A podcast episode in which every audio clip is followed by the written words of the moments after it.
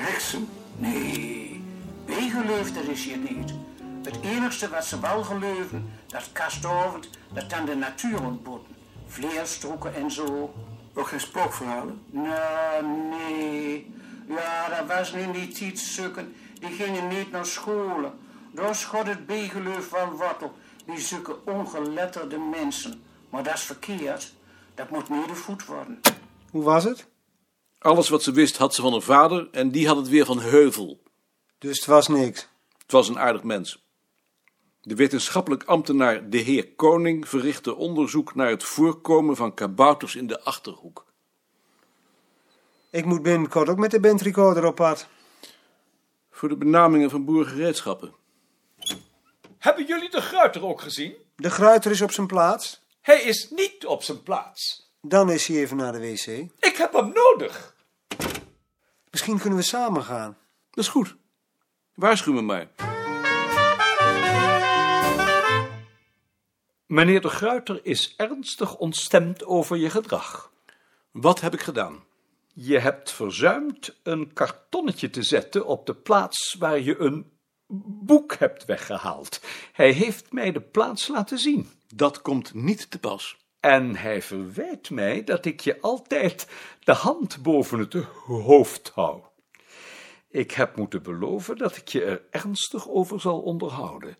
Ik doe dat bij deze. En wat zei hij toen u dat beloofde? Hij zei, dat vind ik fijn. En hij heeft mij uitgenodigd hem een bezoek te brengen. Dat kan ik toch niet doen? Hij is nog nooit bij u geweest? Nee, dat kun je niet doen. Meneer de Gruiter weet niet altijd hoe het hoort. En dan schenk ik u een goed glas wijn. We zullen zien. Beste Maarten. Het is wel wat moeilijk je weer een brief te schrijven. Maar het is nu eenmaal zo dat de woorden niet hun eigen verantwoording dragen. En zolang ik niet fossiel ben, heb je het recht mij te vragen: en wat nou? Niks. Gewoon niks meer. Afwachten weer. Dat komt omdat ik opeens weer blij was. Zomaar. Eventjes. Dan is het net of ik godsdienstig ben. Fijn, ik heb het koud. En fijn, die hoek waaronder de zon staat. En fijn, die jongen met zijn hond aan de riem, enzovoort. Ik weet niet hoe gevangen jij bent, maar dat overkomt mij soms. Dat ik het fijn vind in mijn eigen cel en opeens ontdek dat er nog een buiten is. Een paar uur echte vrijheid. Zeker, het is alweer voorbij. Maar ik ben tenminste buiten geweest. Het heerlijke, hooghartige gevoel tegenover de anderen die er niets van weten. Die in hun stomme etalages staan te verpapieren. Zelfs brieven schrijven hoef ik niet eens meer te doen. Maar als ik het nu toch doe. Ik ben niet tot vrijheid in staat. Met alle gevolgen van dien. De buitenwereld is zo goed als een en al politieagent. Die me in mijn eigen belang, zegt hij, soms de stuipen op het lijf jaagt. Jezus, wat ga ik weer zwammen. Dat komt omdat ik ook niks meer weet. Ik heb het nooit uit kunnen staan en geen wijs uit te kunnen worden, maar nu is het tenslotte het klimaat van hogere onverschilligheid. Moet ik me nu per se voor je verantwoorden? Er zijn genoeg van dat soort mensen om me heen. En het is zeer onprettig jou tot een politieagent te maken. Daar heb je nooit naar gevraagd en dat heb ik nooit gewenst. Een ongelukje. Laten we mijn malligheid op een ongelukje houden. Alsjeblieft. Het is toch niet zo dat je plotseling dacht: kijk, die Frans, dat valt me nu van hem tegen. Dat had ik niet van hem verwacht. Nee, dat valt me erg tegen. Als dat zo is, moet je het beslist laten merken. Wat een rustige brief anders, vind je niet? Veel reiner dan de vorige. En zo goed als geen nieuws. Slechts kennisgeving van herstelling. Heus, ik heb nooit het plan gehad je mijn wel en wee te melden. Deze consequentie is dan ook vervelend. En de volgende keer schrijf ik je weer in een ouderwetse distantie. Die is er tussen Amsterdam en Overflakkee. En daarvan kan ik gebruik maken, tenzij je het al zat bent. Twee kantjes bijna vol. Afgelopen. Vriendelijke groeten voor jou en Nicolien van Frans op Overflakke. Beste Frans. Je brief heb ik met plezier gelezen, Nicolien ook.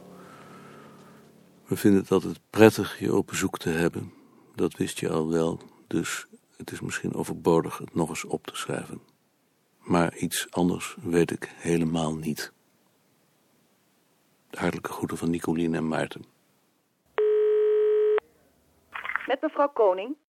Dag, Dag, wat hoor ik? er zitten twee mannen op de vensterbank. Is Beerta er niet? Beerta is naar Arnhem. Ik neem Hendrik straks mee, is dat goed? Leuk. Goed. Tot straks.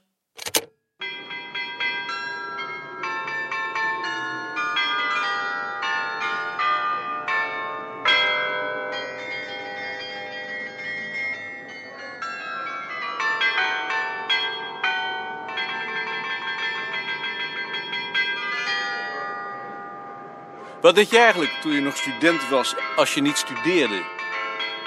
Niet veel. Ik geloof dat ik meestal op mijn kamer zat. Had je geen vrienden? Eigenlijk niet. Ja, ik praatte natuurlijk wel eens met iemand, maar vrienden? Nee. Zo kon je dat toch eigenlijk niet noemen. Had jij wel vrienden? Ik had wel wat vrienden. Ik ging wel eens zwemmen. Zwemmen? Ja. Ging jij dan nooit zwemmen? Nee, nooit. En ik puzzelde ook veel. En toen je klein was? Ach. Je blijft toch altijd de zoon van dominee? Hoi! Dag. Dag Nicolien. Dat is Jonas. Hij ligt het liefst voor de kachel. Dat is zijn hobby. Die bak heeft Slofstra gemaakt. Hij heeft een kaartenbak ingezeten. Dag Jonas. Noemen jullie hem Jonas? Nou, dan kun je beter meteen kinderen nemen. Hoe noem jij een kat dan? En als je nou geen kinderen wil, maar wel een kat. Ik heb geen kat. En thuis? Daar hebben ze wel een kat. Dat wil zeggen, de laatste keer hadden ze er nog een. Hoe noem je die dan? Poes? Gewoon, Poes? Nou, wij noemen hem dus Jonas. Als dat mag, tenminste. Oh, maar ik wil jullie niet beledigen. Het verbaasde me alleen. Wil je een borrel? Ik wil graag een borrel. Ik heb radijsjes bij de borrel. We eten zuurkool. Je de zuurkool? Lekker? Zuurkool. Daar hou ik van. Hendrik heeft nooit vrienden gehad. Nee? Ik ook eigenlijk niet. Nou, nooit vrienden. Het is meer dat ik niet weet wat je daaronder verstaan moet. Ik heb natuurlijk wel eens een borrel met iemand gedronken. Maar zoals bij jou. Dat is ook uitzonderlijk. Dat jullie avonden en nachten lang zaten te praten. Oh nee. Na een uur ben ik wel uitgepraat. Ik zou niet weten waar we het over moesten hebben. Over de zin van het leven. Ik geloof niet dat ik ooit geloofd heb dat het leven zin heeft. Ik zou ook niet weten wat erover valt te zeggen. Literatuur. Ja, literatuur. Maar dan moet je wel toevallig allebei hetzelfde boek gelezen hebben. En dan komt het er gewoonlijk op neer dat de een het goed en de ander het slecht vindt. Of goed. Meestal ligt het ertussenin natuurlijk. Noem eens een boek dat je goed vindt. Ik zou het niet weten. Ja, sommige boeken van Westdijk vind ik wel goed. Maar ook niet allemaal. En ik zou niet weten wat ik erover zeggen moest. Hoe was het vandaag? Goed? Niks bijzonders? Nee, niks bijzonders. En jij? Ik heb die twee nieuwe mensen op zicht gehad. Die vriend van Bart en die vriendin van Hendrik. Nou, vriendin, ik ken haar toevallig van college. En? Ik neem ze allebei. Maar toch niet omdat ik dat gevraagd heb. Maar heb je daar dan plaats voor? Wiegel en Veerman zaten daar ook met z'n tweeën. Je hebt het toch niet gedaan om mij een plezier te doen? Want dat was de bedoeling niet. Nee, ik vond ze allebei aardig en ik kan er best twee gebruiken. Dan is het goed. Als je het maar niet voor mij doet. Als wij aan tafel gaan, wil hij er altijd uit. Dan wil hij niet bij zijn. Denk toch om de buren! Ik denk op de buren! Je denkt niet om de buren!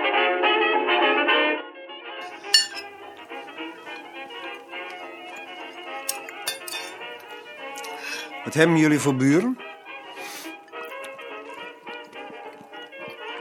Naast ons wordt een gepensioneerde onderwijzer. Daarboven een taxichauffeur. Daarboven een kolensjouwer. Boven ons een monteur bij de tram. Daarboven een oude vrouw en aan de andere kant een volle man.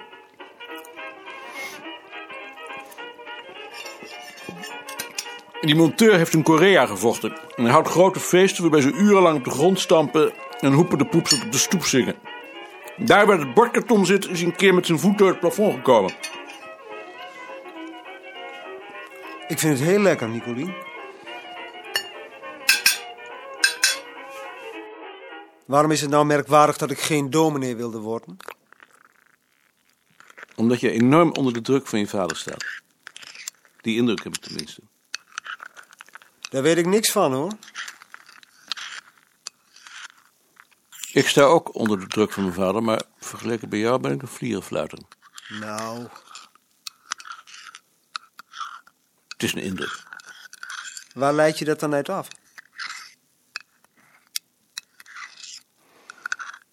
Mijn vader zegt nooit iets. Hij zwijgt. Als ik bijvoorbeeld met een goed rapport thuis kwam, dan zei hij niets.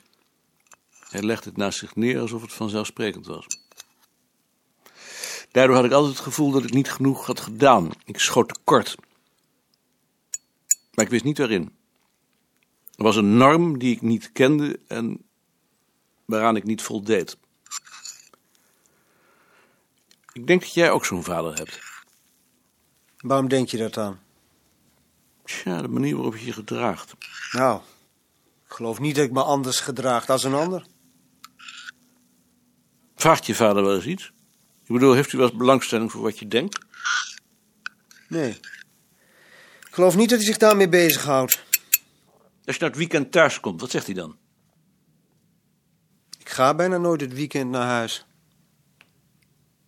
Maar je komt toch wel eens thuis? Zelden. Maar wat zegt hij dan? Zo jongen ben je daar? Ik geloof niet dat hij wat zegt. hè. Ik kan hem me niet herinneren, tenminste.